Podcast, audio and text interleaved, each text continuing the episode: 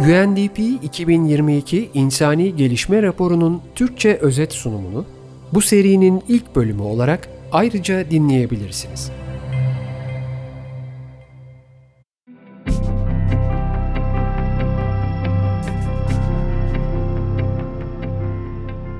Hepiniz hoş geldiniz. Bugün e, UNDP'nin İnsani Gelişme Raporu'nun lansmanını gerçekleştireceğiz sizlerle. E, ben Oğuz, e, Generation 17 programında gençlik lideri olarak e, yer alıyorum. E, bugün bizlere ev sahipliği yapan Habitat Derneği'ne de çok teşekkür ederiz. İnsani Gelişme Raporu e, 1990 yılından itibaren UNDP'nin yayınladığı e, bir rapor. E, bu raporda başlıca kalkınma sorunları, eğilimleri, politikaları e, ve e, buna ilişkin e, farklı konular, tartışmalar içeriyor. E, sanayi devrimi sonrası ortaya çıkan kalkınma anlayışı hep insanı temeli alan bir kalkınma anlayışıydı. Burada esas önemli olan şey ürettiğinizde ne kadar çok üretirseniz aslında o kadar çok gelişmiş sayılan bir e, anlayış vardı. Ama artık günümüzde e, bu da değişiyor. E, gezegensel baskılara uyarlanmış insani gelişme endeksi dediğimiz bir endeks var. Bu aslında e, çok kaba tabirle ürettiğiniz bölü çevreye verdiğiniz zarar olarak e, söylenebilir. Bu da aslında insanın artık çevreyle e, bağlantılı şekilde e, üretmesinin ve tüketmesinin e, gerektiğini bizlere gösteriyor. Ben sözü daha fazla uzatmadan açılış konuşmaları için Habitat Derneği Yönetim Kurulu Başkanı Sezai Yazır'ı sahneye davet ediyorum. Teşekkür ediyorum. Çok anlamlı bir günde tekrar bir arada olmaktan da büyük bir mutluluk duyuyorum. Değerli paydaşlar, başta iklim krizi olmak üzere gezegen üzerindeki insan kaynaklı yaratılan baskının sonuçlarını hiç olmadığı kadar derinden hissettiğimiz bir dönem yaşıyoruz. Gezegenimiz ağır hasta. Maalesef hastalığın nedeni de biziz ama tedavisi de bizde. Birleşmiş Milletler Kalkınma Programı tarafından yayınlanan 2022 İnsani Gelişme raporuna göre küresel çapta insani gelişim kazanımlardan gerileme yaşanıyor. Rapor kendi türümüzün ve dünyayı paylaştığımız diğer tüm canlıların yaşamlarının devam edebilmesi için insanlığa büyük bir görev düştüğünü bizlere hatırlatıyor. Raporda değinildiği üzere acı bir tablo ile karşı karşıyayız. Bir endişe dünyasında yaşıyoruz. Devam eden Covid-19 salgını Ukrayna'da ve başka yerlerde savaş, rekor kıran sıcaklıklar, yangınlar, fırtınalar her biri dünya çapındaki yaşamları sarsan ortaya çıkmakta olan yeni bir belirsizlik kompleksinin rahatsız edici bir tezahürü olarak algılamak gerekiyor. Rapora göre bu sorunlar aşağıdaki bulgularla destekleniyor. Siyasi kutuplaşmayı görmezden gelmek mümkün değil. Bu sosyal medya ve eşitsizliklerle körükleniyor. Pek çok insan, özellikle de gençler, siyasi liderleri tarafından hüsrana uğramış hissediyorlar. Güven şüpheye göre geri planda kaldı. Dünya genelinde insanların yüzde otuzundan daha azı başkalarına güvenebileceğini düşünüyor. Bu kayıtlardan en düşük oran. Silahlı çatışmalar artıyor.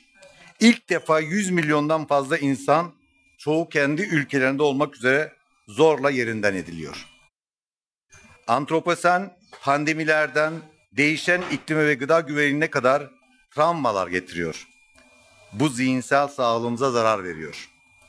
Covid-19 bize ne beklememiz gerektiğini gösterdi. Pandeminin ilk yılında temel ihtiyaçlarını karşılamakta zorlananlar ve daha fazla ücretsiz işi omuzlayan kadınlar orantısız bir şekilde etkilendiğinden depresyon ve kaygı %25'ten fazla arttı. Bilimsel araştırmalara göre sanayi devrimi sonrasında insanlık tarafından kurulan yeni düzen küresel iklimi önceki dönemlerde e, eşine rastlanmadığı kadar radikal bir biçimde değiştirdi. Karbon ve metan dahil olmak üzere atmosferdeki sera gazları geçtiğimiz 200 yıl içerisinde son 800 bin yılın en yüksek seviyesine geldi. Başta iklim krizi olmak üzere gezegen üzerindeki insan kaynaklı yaratılan baskının sonuçlarını hiç olmadığı kadar derinden hissettik.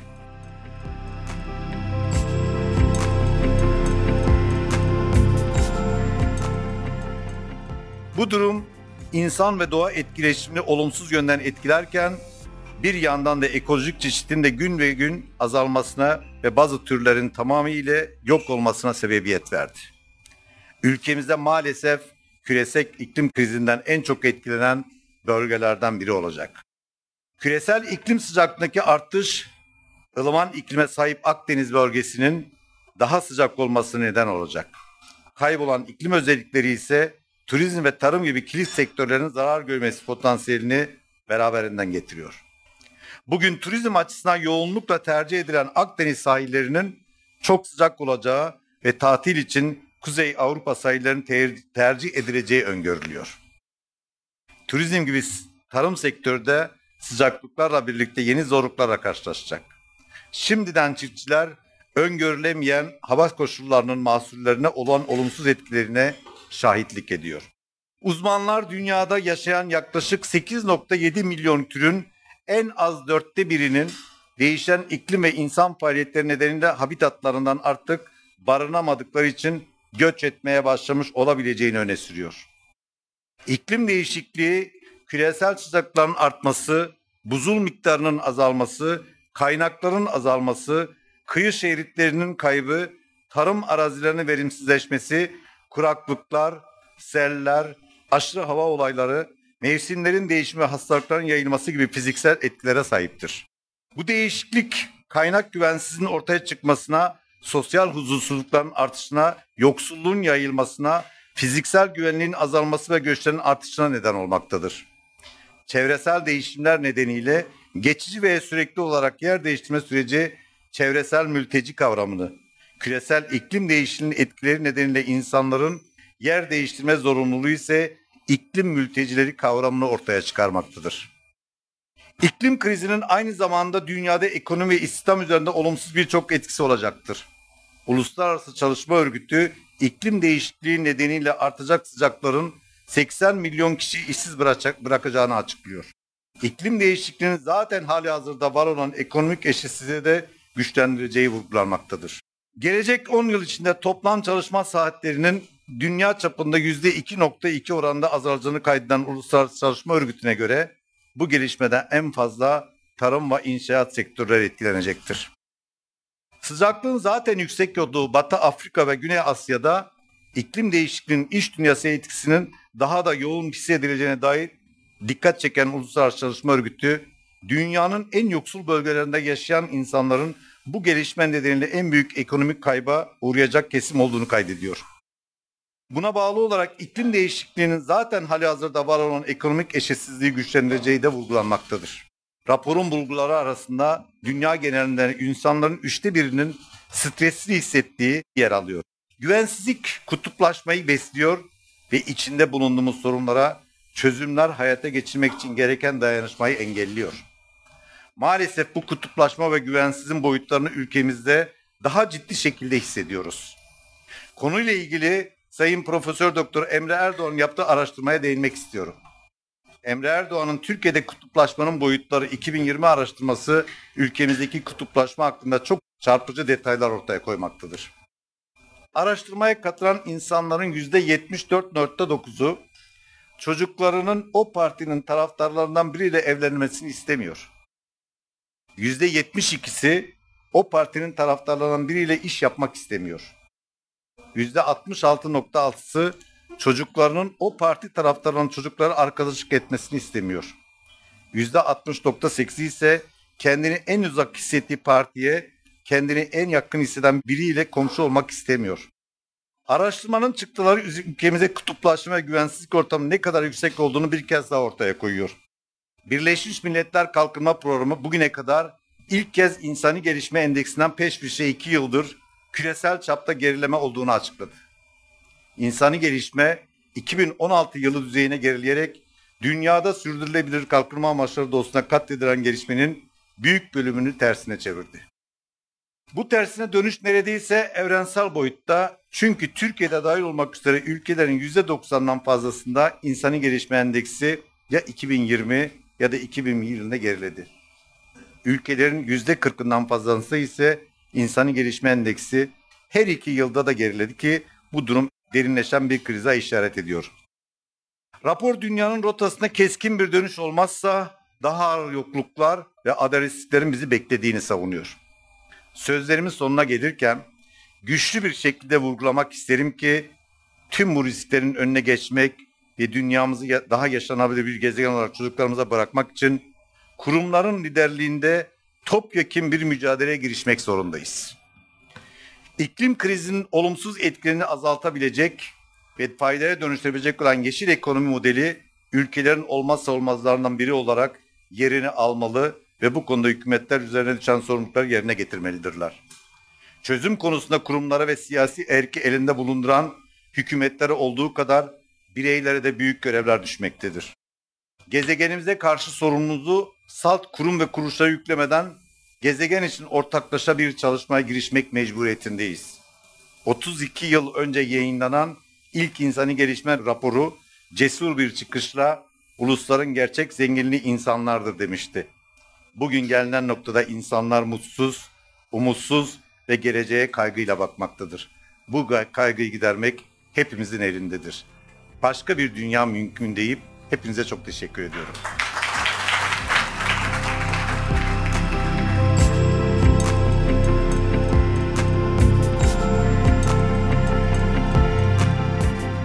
Şimdi panele geçmek istiyorum.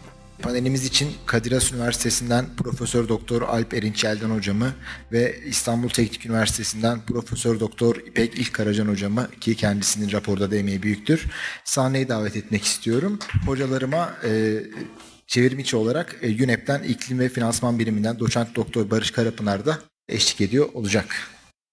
Evet değerli konuklar e, hepiniz e, hoş geldiniz. Büyümek değil e, kalkınmak insan onuruna yakışır bir şekilde e, kalkınmak. Şimdi bunu konuşacağız. Sevgili İpek Hoca e, burada bizimle e, ve Barış Karapınar hocamız da İsviçre'de diye biliyorum bağlantıda. Sizce de uygunsa hocam biz sizinle başlayalım istiyoruz. Ben size bir 15 dakika kürsüyü bırakıyorum. Barış Karapınar buyurun söz sizin. Çok teşekkürler hocam. Öncelikle iklim değişikliği üzerinden başlamak istiyorum. Bu benim yıllardır özellikle altını çizdiğim e, bir iklim değişikliği etkisiydi.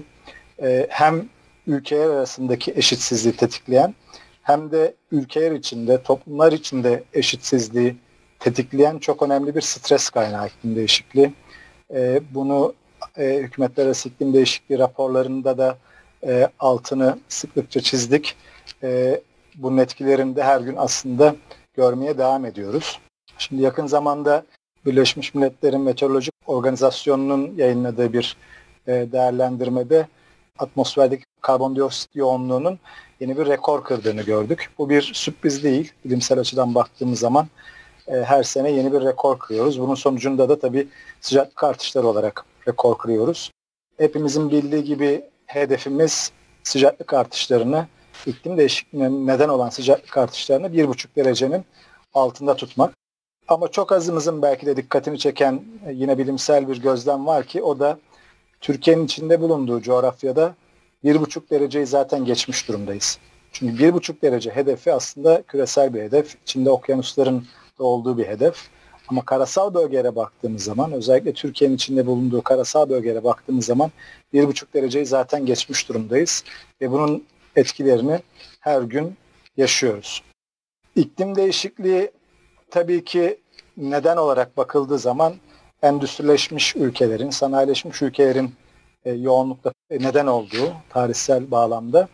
Ama son döneme baktığımız zaman, son 20-30 seneye baktığımız zaman da özellikle hızla gelişmekte olan ülkelerin iklim değişikliğine neden olan sera gazlarını saldığını görüyoruz. Türkiye'de bu ülkelerin arasında tarihsel sorumluluk olarak baktığımız zaman Türkiye'nin de sorumluluğunun önemli derecede olduğunu söyleyebiliriz. Özellikle artış oranlarına baktığımız zaman yani Türkiye'nin e, sera gaz envanterine baktığımız zaman e, gözlemlediğimiz artış oranları e, ciddi anlamda yüksek artış oranları. Bir dönem Türkiye OECD ülkelerin içinde en hızlı artış oranına o oranını gözlemlediğimiz ülkeydi. Bunun da en temel nedeni tabii ki karbon yoğunluğu yüksek bir enerji sistemimizin olması. E, son dönemde yapılan yatırımlara e, rağmen yenilenebilir enerji e, sektöründe hala kömür, doğalgaza bağımlı bir enerji sistemimiz var. Tabii ki aynı zamanda ulaşım gibi, binalar gibi temel sektörlerde de e, emisyon yoğunluğumuzun oldukça yüksek olduğunu biliyoruz. Dolayısıyla bu noktada e, yapılması gereken ya, yatırımlar, bu noktada erişilebilecek, atılabilecek adımlar konusunda da e, Türkiye'nin çok daha hızlı bir e, yolda olması gerekirdi ya da olması gerekir diyebiliriz. Ama öbür taraftan etkilere baktığımız zaman gerçekten de Türkiye iklim değişikliğinin etkilerinden en fazla etkilenen bölgelerden biri. Ama bu etkilere baktığımız zaman yine aynı şekilde Afrika'da, Asya'da, özellikle gelişmekte olan ülkelerde ya da yoksul ülkelerde bu etkilerin daha da yoğunlaştığını görüyoruz. Bunun bir tarafında hakikaten de coğrafi e, faktörler var. E, coğrafi konum gereği e, bu bölgeler iklim etkilerine daha fazla maruz kalıyorlar. Öbür taraftan da tabii, tabii ki konunun sosyoekonomik kırılganlık boyutu var. Bu bölgelerde az gelişmiş ülkelerde e, ki toplumsal düzenler, ekonomik yapılar iklim değişikliğinin etki etkilerine çok daha kırılgan bir durumdalar. Dolayısıyla aynı etki örneğin Avrupa'da örneğin bir e, sel etkisi diyelim Avrupa'da e, çok daha az bir e, ekonomik e, zarara ya da insani zarara neden ol, e, o, o, olması halinde e, aynı etkinin e, özel az gelişmiş bir ülkede çok daha büyük e, insani kayıplara, çok daha büyük ekonomik kayıplara neden olduğunu görüyoruz. Bu da bu bölgelerde yaşayan insanların, bu toplumların kırılganlığının çok daha yüksek olduğunu gösteriyor. Hükümetler arası iklim değişikliğinin yine son raporunda ifade ettiği gibi yaklaşık 3.5 milyar insan iklim değişikliğinin etkilerine neredeyse çaresiz seviyede e, kırılgan durumda. E, bu da e, bence aslında 21. yüzyılın en önemli eşitsizlik, adaletsizlik kaynaklarından biri. E, iklim değişikliğine neden olan sera gazlarını e, salma konusunda en az katkı sağlayan ülkeler, toplumlar e, bu etkilere en fazla maruz kalan toplumlar olma durumunda.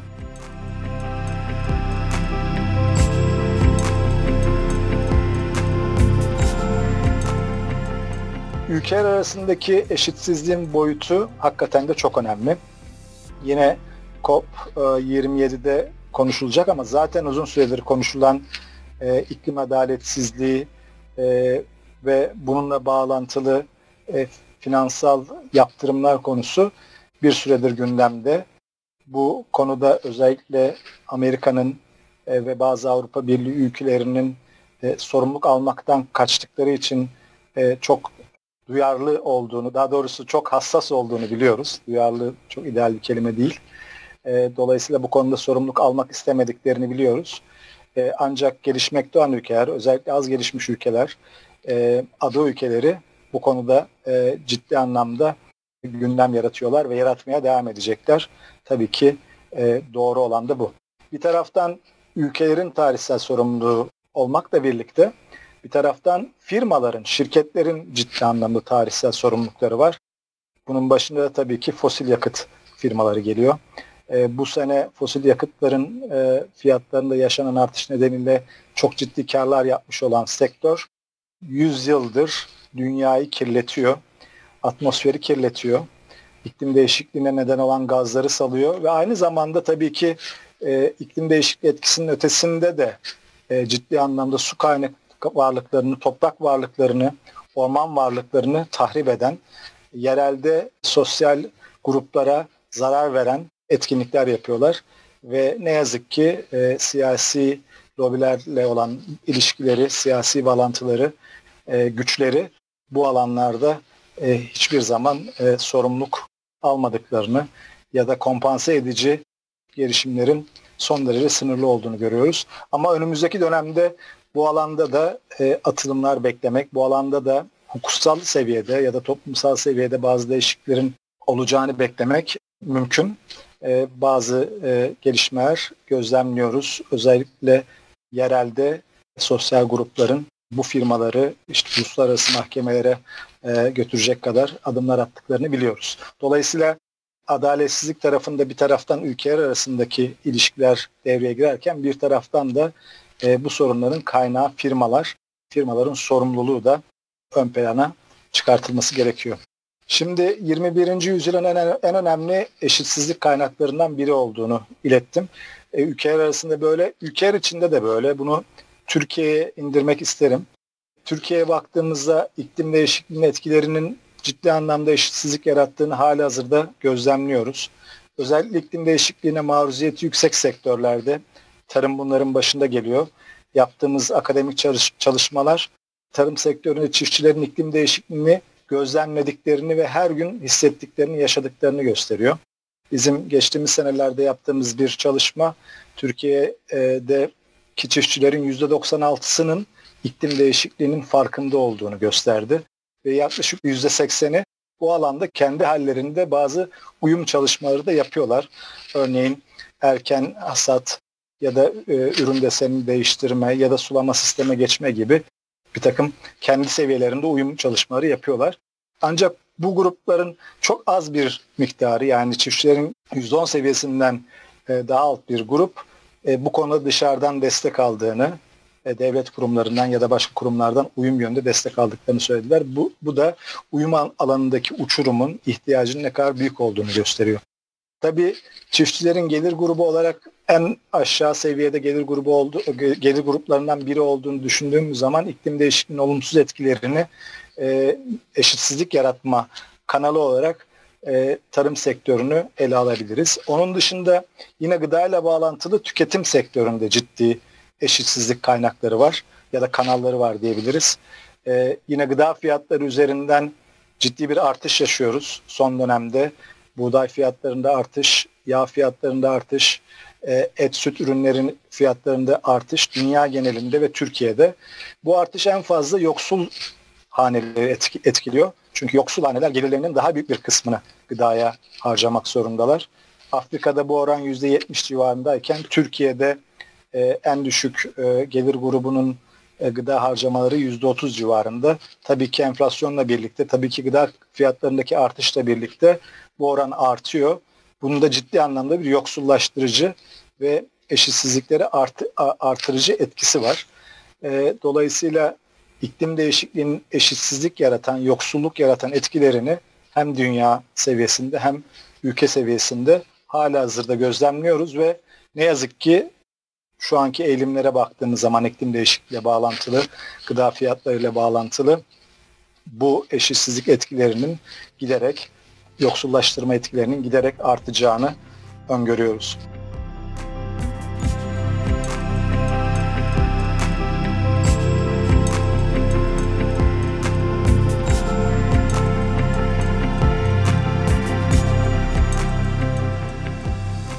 Onun dışında Covid'den bahsediyor rapor. Burada da çizmek istediğim aşıya erişimde yaşanan adaletsizlikler oldu. Raporda bu oldukça dikkat çekici bir şekilde altı çizildi, çiziliyor. Yüksek gelirli ülkelerde popülasyonun %72 iken %72 aşılara erişim sağlamışken e, düşük gelirli ülkelerde bu sadece %21. Bu da Covid gibi bir tarafı da tabii ki Covid'in doğa bağlı bir kriz aslında. Doğaya bağlı bir krizdi ama e, Covid'in e, ülke seviyesinde uluslararası seviyedeki eşitsizlik etkisini bize e, ortaya koydu. E, benzer şekilde e, gelişmiş ülkeler büyük paketlerle e, toplumlarını destek olurken, kırılgan e, kesimlere destek olurken yoksul ülkelerde, az gelişmiş ülkelerde, düşük gelirli ülkelerde böyle bir olanağın olmaması, büyük çalışan gruplarının kayıt dışı ekonomilerde çalışıyor olması, Türkiye'de de bu etkileri gördük. E, bu paketlerin e, büyük kitlelere, özellikle yoksul kitlere erişme konusunda ciddi adaletsizlik yarattığını da gördük. Kadınların bu alandaki etkilere çok daha fazla maruz kaldığını, çocukların örneğin gıda güvenliği üzerinden bu etkilere çok daha fazla maruz kaldıklarını gördük. Dolayısıyla bu yüzyılın en önemli krizlerinden birinde de yine aynı şekilde eşitsizlik etkilerini doğrudan ve dolaylı olarak gözlemledik. Son olarak e, benim yine altını çizmek istediğim konu enflasyon. Tabii ki enflasyonun hem Covid ile bağlantısı var. Benim altını çizmek istediğim bağlantı aslında iklim değişikliği bağlantısı. Biraz önce de bahsettiğim gibi iklim değişikliği özellikle gıda fiyatları üzerinden ciddi bir enflasyon kaynağı. Enflasyona neden olan faktörlerden biri enflasyonu belirleyen sepete baktığımız zaman gıdanın oranı ülkeden ülkeye değişmekle birlikte önemli bir oran. E, dolayısıyla gıda fiyatlarındaki artış, iklimle bağlantılı artış enflasyonu da artırıyor veya tetikliyor. IMF Dünya Ekonomik Görünüm raporunu raporlarını ben inceledim 2008'den bu yana. Eskiden kalkınma dediğimiz zaman sadece ekonomik kalkınmaya, büyümeye bakardık. Ki IMF o dünyanın liderlerinden biriydi. Artık IMF bile iklim değişikliğini ciddi anlamda raporlarında ele alıyor. E, son dönemde, son yıllara baktığımız zaman iklim değişikliği dönem dönem enflasyondan bile daha fazla e, referans verilmiş bir terim olmuş. Son raporda da aynı şekilde iklim değişikliği, e, enflasyon ilişkisinin altı çizildi. Gelir dağılımı bozulumu konusundaki en temel faktörlerden biri. Türkiye'de son dönemde bir hiper enflasyon yaşıyor ve bunun da gelir dağılımı etkisi ciddi anlamda olumsuz oluyor ve olmaya devam edecek. Dünya genelinde de tabii ki enflasyon çok önemli bir sorun. Amerika'da dahil olmak üzere bu yine IMF'nin Amerika enflasyon e, analizinin sonucuydu. Özellikle ürünlerde, servis sektöründe, e, gıda ve enerjide yaşanan fiyat artışları e, tüketiciyi etkileyen enflasyonu da artırıyor. Türkiye'de özellikle gıda ve enerji konusundaki enflasyonun bu anlamda daha da e, etkili olduğunu, daha önemli olduğunu söyleyebiliriz. Bunun da hem yoksullaştırıcı etkisinden hem de e, eşitsizlik yaratıcı etkisinden e, bahsetmek tabii ki mümkün.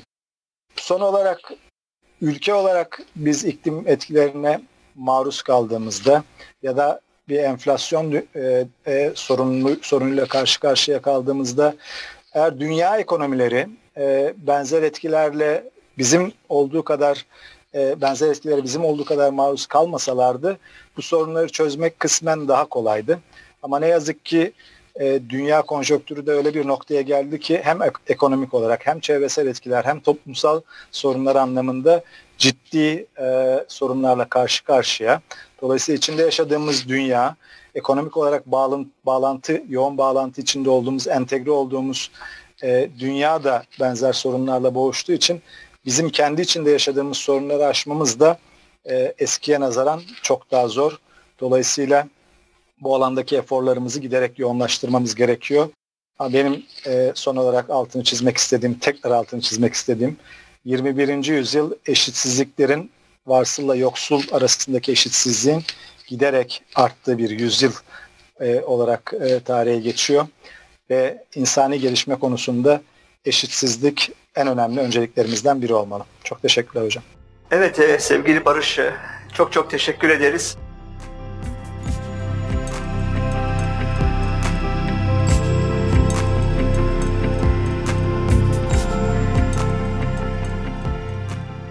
Şimdi e, İpek Hoca ile devam edelim. E, ondan sonra da e, soru, cevap, yorum bölümünde içinde e, e, vakit ayırıyor olacağız. E, her şeyden önce UNDP Türkiye ülke ofisine çok teşekkür ediyorum. E, beni e, bu panele davet ettikleri ve görüşlerimi paylaşma imkanı sağladıkları için. Benim bu seneki insani kalkınma raporuna bakış açım iki açıdan. Bir tanesi toplumsal cinsiyet, diğeri ise uzun zamandır bir iktisatçı, bir e, feminist iktisatçı olarak diyeyim, üzerine çalıştığım, önem önemsediğim bir konu olan bakım ekonomisi e, açısından. Ve bu çerçevede rapora e, ekleme yapmak ve bir yorum getirmek istiyorum. Bir tanesi raporda çokça bahsedilen kutuplaşma meselesine bir toplumsal cinsiyet e, bakış açısından e, yaklaşmak, e, toplumsal cinsiyet lensiyle e, yaklaşmak. Rapor çifte e, bir paradokstan bahsediyor. Bir yandan belirsizlik, bir yandan kutu, kutuplaşma ama ilerlemeyle e, birlikte bu kutuplaşma ile ilgili siyasi ve sosyal diskurun önemli bir kısmı aslında ee, hem ülkemizde hem de dünyanın pek çok yerinde aslında toplumsal cinsiyet eşitliği üzerinden e, gerçekleşmekte. Bu diskurda şöyle bir şey görüyoruz. Ee, sanki toplumsal cinsiyet eşitliği, kadın hakları için mücadele, hatta bunun bir adım da ötesine gidersek LGBT hakları için mücadele topluma karşı, toplumsal birlikteliğe karşı, aileye karşı bir mücadeleymiş gibi aslında konuyu oldukça saptıran, manipüle eden böyle bir diskur e, söz konusu. E, örneğin Amerika'da kürtaj hakkı, bedensel kadın kadınların bedensel ve doğurganlık hakları, hakları ile ilgili olan e, mesele bir aile değerleri tartışmasına e, dönüşmüş durumda ve şu anda Amerika'daki polarizasyonun ana eksenlerinden e, bir tanesi. İtalya'da yakın zamanda biliyorsunuz seçimlerle İtalya'nın e, yeni başbakanı Meloni başa geldi ve geldiği anda ilk yaptığı değişikliklerden bir tanesi uzun süredir adı Eşit Fırsatlar Bakanlığı olan bakanlığın adını kadından ve doğurganlıktan sorumlu bakanlık olarak değiştirdi. Bu da e, Türkiye'de benim gibi kadın hakları mücadelesini yıllarını vermiş pek çoğumuzun aklına hemen 10 yıl önce bizim kendi ülkemizde yaşadığımız bir değişikliği getirdi. Uzun yıllardan beri kadından ve sosyal hizmetlerden sorumlu bakanlığın adı aileden ve sosyal politikalardan sorumlu bakanlık olarak değiştirilmişti. Şimdi bu çerçevede araştırma alanında öne, öne, enteresan bir literatür var. Ee, ünlü politik sosyologlar Inglehart ve Norris'in 2000'li yılların başında yaptığı çok ülkeli bir çalışma var. Ve burada uzun dönemli verilere bakarak Buradaki verilerden yola çıkarak pek çok ülke için şöyle bir şey gözlemliyorlar. Ee, özellikle batıdaki daha gelişmiş ekonomiler için. Kadınların 1980'ler öncesi daha çok erkeklerin erkeklere göre daha muhafazakar tercihler sergiledikleri bir çerçeveden giderek daha erkeklere göre daha az muhafazakar, daha ilerici e, siyasi tercihlere göre ortalamada tabii ki dönüştüklerini e, gözlemliyorlar. Buna da şöyle bir isim takıyorlar. Traditional Political Gender Gaps yani geleneksel e, siyasi toplumsal cinsiyet açığı diyorlar. Modern Gender Gap'e, modern siyasi toplumsal cinsiyet açığına dönüşüyor batılı ülkelerde. Bunun arkasındaki önemli faktörler arasında demografik dönüşümleri, e, kadın başına düşen çocuk sayısındaki düşüşü, e, teknolojik gelişmeler ve de, e, ve sağlık hizmetlerindeki gelişmelerle ve kadının iş gücüne katılımının artışını gösteriyorlar. Bunların ayak izinde bir seri ülke çalışması var. Benim de içinde bulunduğum İtalya üzerine Barisona'nın yaptığı bir çalışma.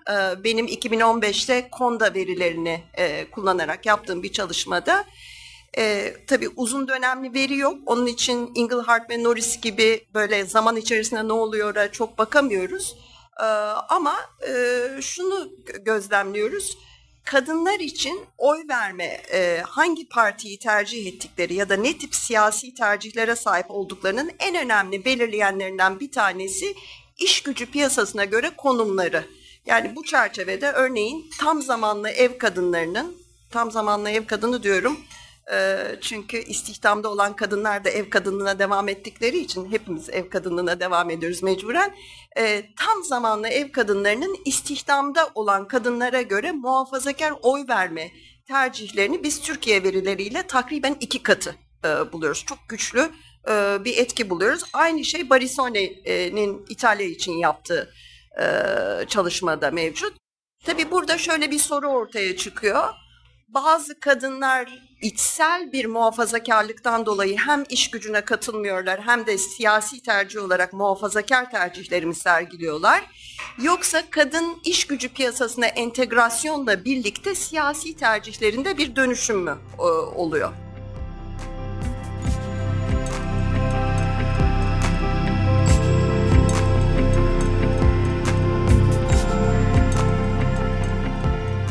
Ee, şimdi benim ileri sürdüğüm hipotez aslında makroekonomik büyüme belirleyici, toplumsal cinsiyet eşitlikçi, hem kadınları hem erkekleri iş gücü piyasasına güçlü bir şekilde entegre edecek, ivmeli, istihdam yaratan bir büyüme süreciyle birlikte kadınların ve erkeklerin siyasi tercihlerinin giderek daha az muhafazakar, daha ilerici tercihlere dönüştüğünü e, öneriyorum bu hipotezimle. Ve şimdi yakın zamanda İspanya için böyle bir veri bulduk. İspanya'da çok ilginç e, bir ülke çünkü Franco sonrası dönemde e, çok muhafazakar bir yapıya sahip toplumsal olarak uzun dönem bir diktatörlük, faşist diktatörlük dönemi. Ondan sonra Avrupa Birliği'ne entegr entegrasyonla kadın iş gücüne katılımı yüzde otuzların altından hızla e, yüzde altmışların üstüne yetmişlere doğru değişiyor. Ve İspanya verisiyle şimdi e, acaba bu kadınların iş gücüne entegrasyonuyla siyasi tercihler kadınlar ve erkekler arasında nasıl değişti bu etkiledi mi e, diye e, böyle bir çalışma üzerindeyiz. Zaman içerisinde bu iş gücüne entegrasyon sürecinde kadınların ve erkeklerin siyasi tercihleri arasındaki fark azalıyor ve daha ilerici e, siyasi tercihlere göre böyle bir evrimleşme var. E, ekonomik büyümenin toplumsal cinsiyet eşitlikçi olması, ekonomik kalkınma süreçlerinin o ülkenin siyasetindeki dönüşümler açısından ve kutuplaşma açısından da belirleyici etkenlerden bir tanesi. Diğer ikinci vurgulamak istediğim konu bakım ekonomisine yatırımların bu raporda şöyle denmiş dönüşümün rotalarını çizmek. Dönüşümün rotalarını çizerken bu yeni dünyada bakım ekonomisine yatırımlar neresinde yer alıyor bunun? Ne kadar önemli, e, nasıl rol oynuyor? İnsani Kalkınma Raporu bakım meselesini pek çok yerde dile getirmiş. Bakım meselesine rapor iki şekilde yaklaşıyor. Bir tanesi toplumsal cinsiyet eşitsizliklerinin bir kaynağı olarak. Çünkü ev içi ücretsiz emek eşit olarak paylaşılmıyor. İkincisi olumlu tarafından aslında sosyal koruma ve e, esenliğin, hanelerin, kişilerin, bireylerin, çocukların, bakıma muhtaç kişilerin, yetişkinlerin esenliği açısından önemli bir katkı veren e, bir emek biçimi olarak bu iki açıdan yaklaşıyor. Benim burada vurgulamak istediğim bakım meselesine üçüncü bir yaklaşım, o da bakım ekonomisi. Ki bakım emeğinden biraz daha farklı. Bakım ekonomisi aslında bu alanı hem ücretli emek hem de ücret, e, ücretsiz emeği kapsayan hane içi üretimi, piyasada üretimi, kamusal hizmetleri kapsayan bir alt sistem, alt ekonomi olarak çerçeveliyor bu terminoloji. Bakım ekonomisine e, yatırımların çok ciddi bir istihdam yaratma kapasitesi olduğunu, e, istihdam çarpanı diyoruz, sektörlerin istihdam çarpanı. Yani belirli bir sektörde üretim 1 milyon lira arttığında ya da kamu belirli bir sektöre 1 milyon lira yatırdığında yaratılan iş sayısı takriben kabaca böyle diyebiliriz istihdam çarpanı. Bakım hizmetleri sektörü istihdam çarpanı en yüksek sektörler arasında. Yani harcadığımız her 1 milyon lira, kamu kaynaklarından ayırdığımız her 1 milyon lira örneğin Türkiye verileriyle bakım hizmetlerine harcandığında inşaata harcandığından 3 kat daha fazla istihdam yaratma kapasitesine sahip. Bu alanda yapılan çalışmalar, feminist çalışmalar e, makroekonomik çerçevede bakım ekonomisi sektörlerinin, bakım ekonomisi yatırımlarının aslında yeni istihdam yaratma alanı olarak çok önemli bir yere işaret ettiğini vurgulamakta.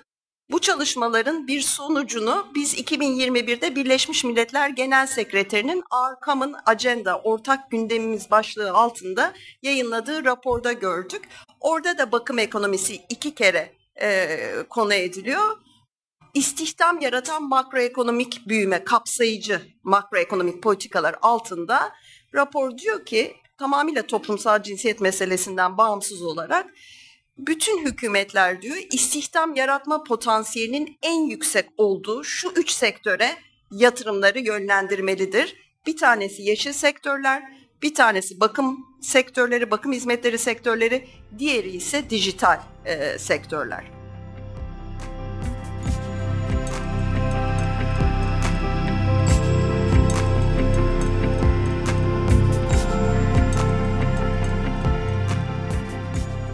E, bu çerçevede İLO ile yaptığımız aslında Türkiye için ilk yaptığımız UNDP'nin destek, de, destekçilerinden olduğu çalışmadan yola çıkarak İLO bize aynı çalışmayı 45 ülke için yapmamızı istedi.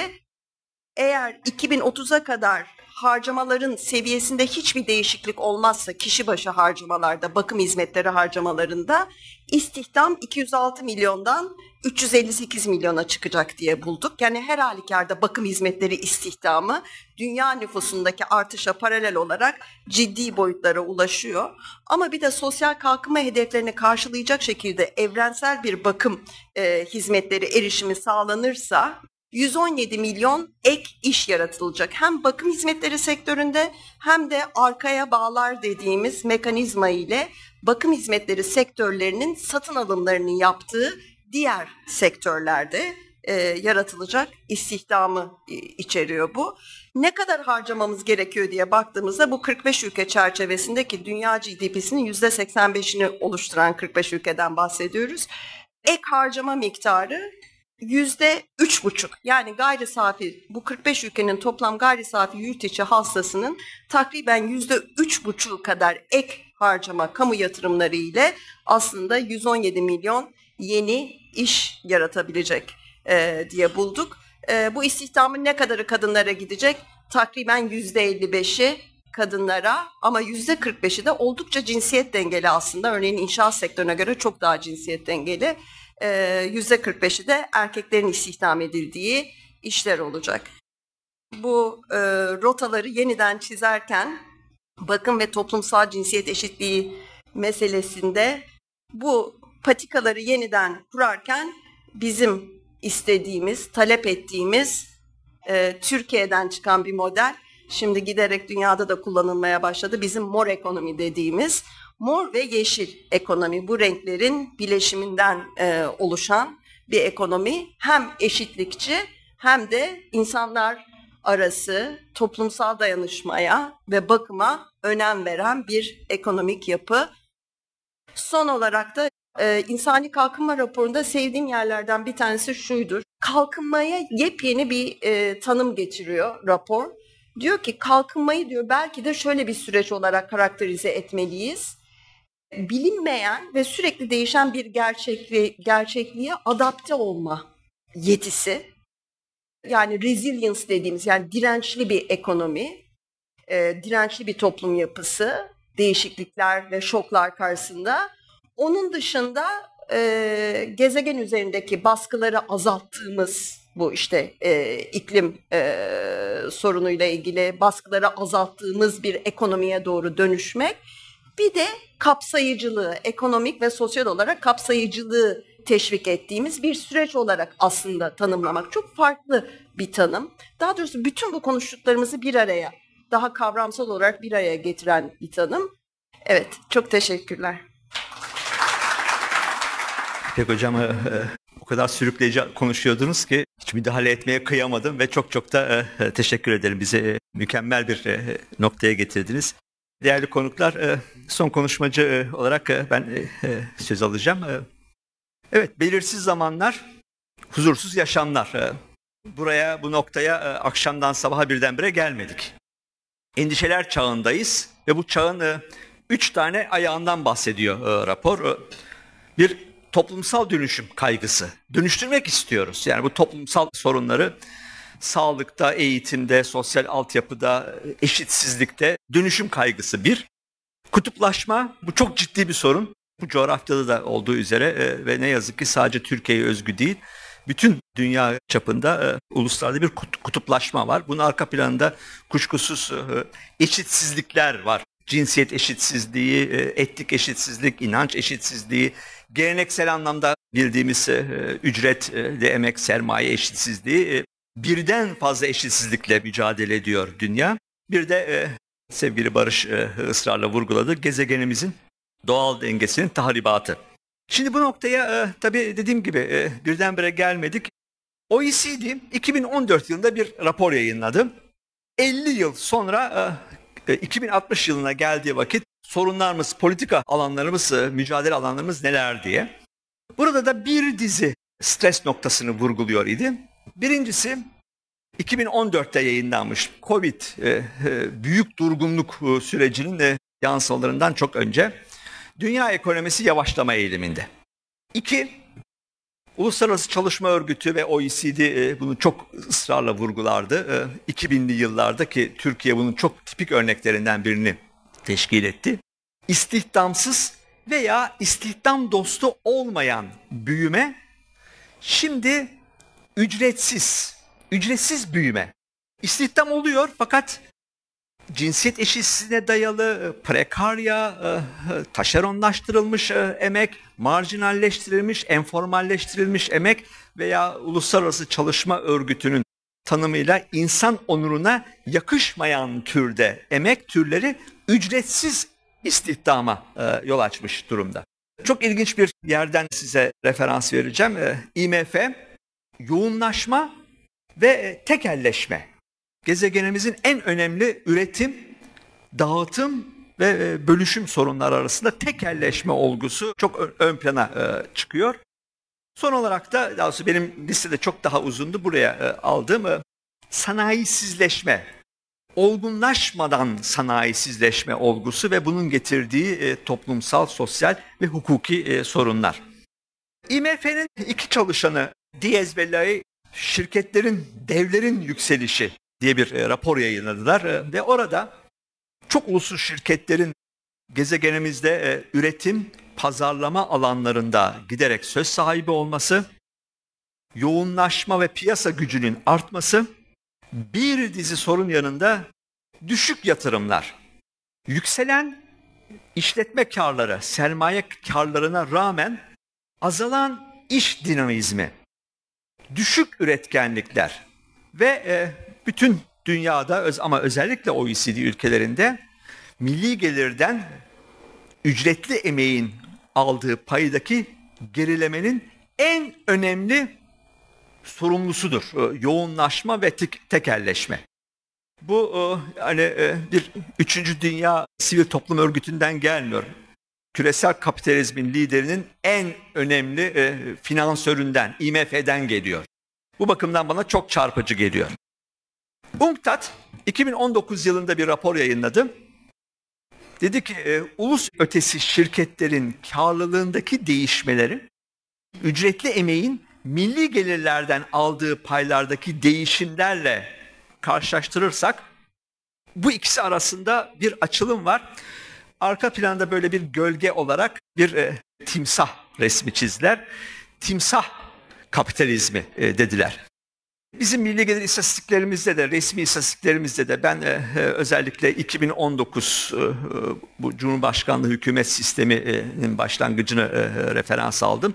Ondan sonra da milli gelirin içinde ücretli emeğin payı ve milli gelirin içinde sermaye karlarındaki payındaki değişmeleri e, alırsanız böyle bir resim çıkıyor. Gene e, timsah kapitalizmi ne Türkiye'ye özgü ne Bolsonaro'dan devralınan e, e, Brezilya'ya özgü ne Hindistan'a ne Macaristan'a Trump'ın Amerika'sına raporun vurguladığı gibi insani e, gelişme endeksinde bir sorun olarak bu timsah kapitalizmi, neoliberalizm sonrası kapitalizm ana unsurlardan bir tanesi. Bu da UNCTAD'ın 2019 e, e, Ticaret ve Kalkınma Trade Development Report'un ana özelliği.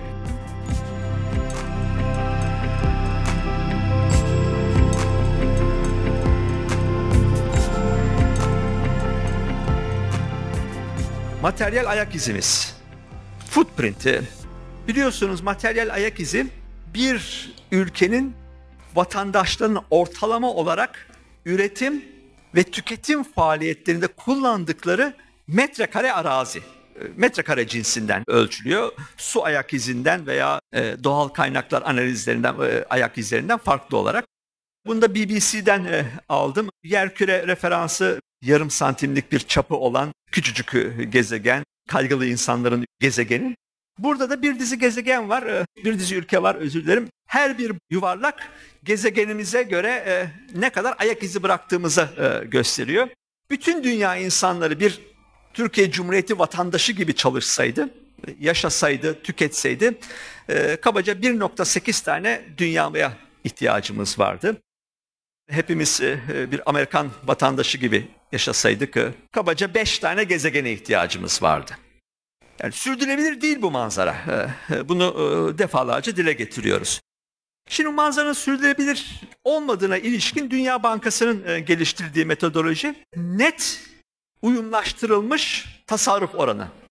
Şimdi e, Dünya Bankası'nın e, bu göstergesi grafiksel olarak da işte brüt tasarruflardan sabit sermaye aşınmasını düşerseniz net tasarruflara ulaşıyorsunuz.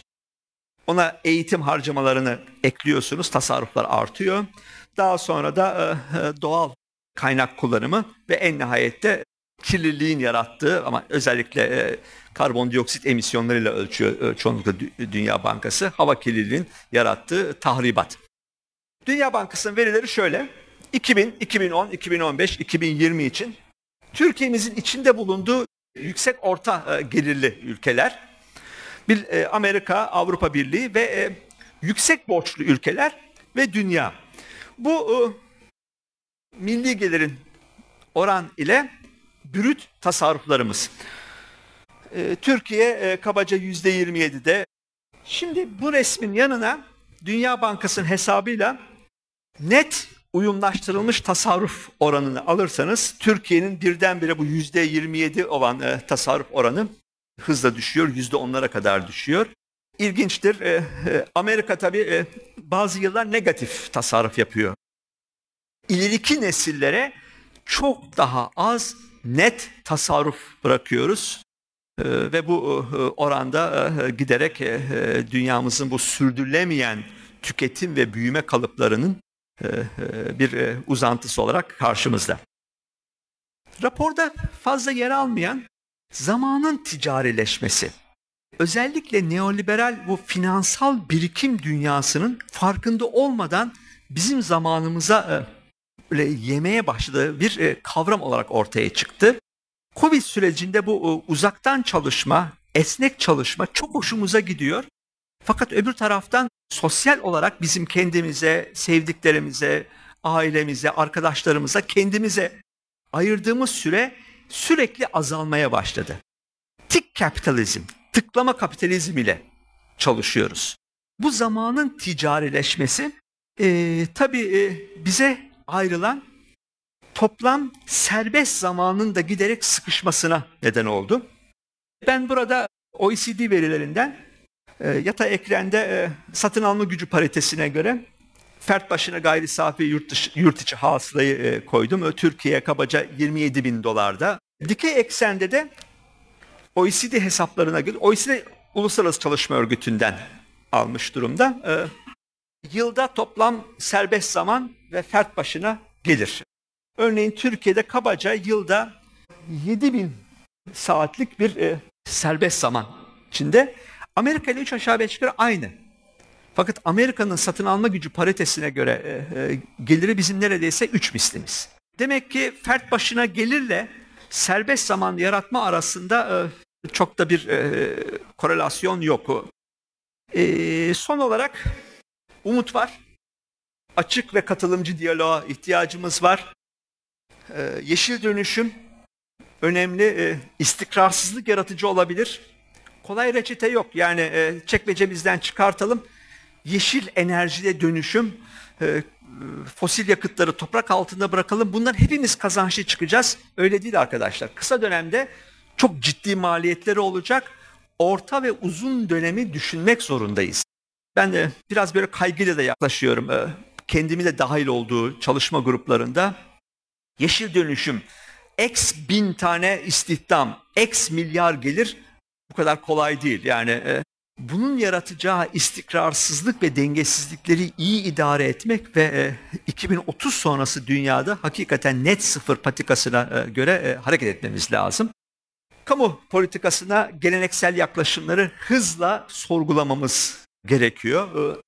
E, özellikle eğitimden finansa kadar e, ve e, bir umutla bitiriyor rapor e, sayfalarını. Ben de aynı umudu yaşıyorum. İnsanların önündeki düşünme, yaratıcılık, demokrasi engellerini ortadan kaldırdığımız zaman daha paylaşımcı, daha kardeşçe, dayanışma içinde bir gezegen elde edeceğiz.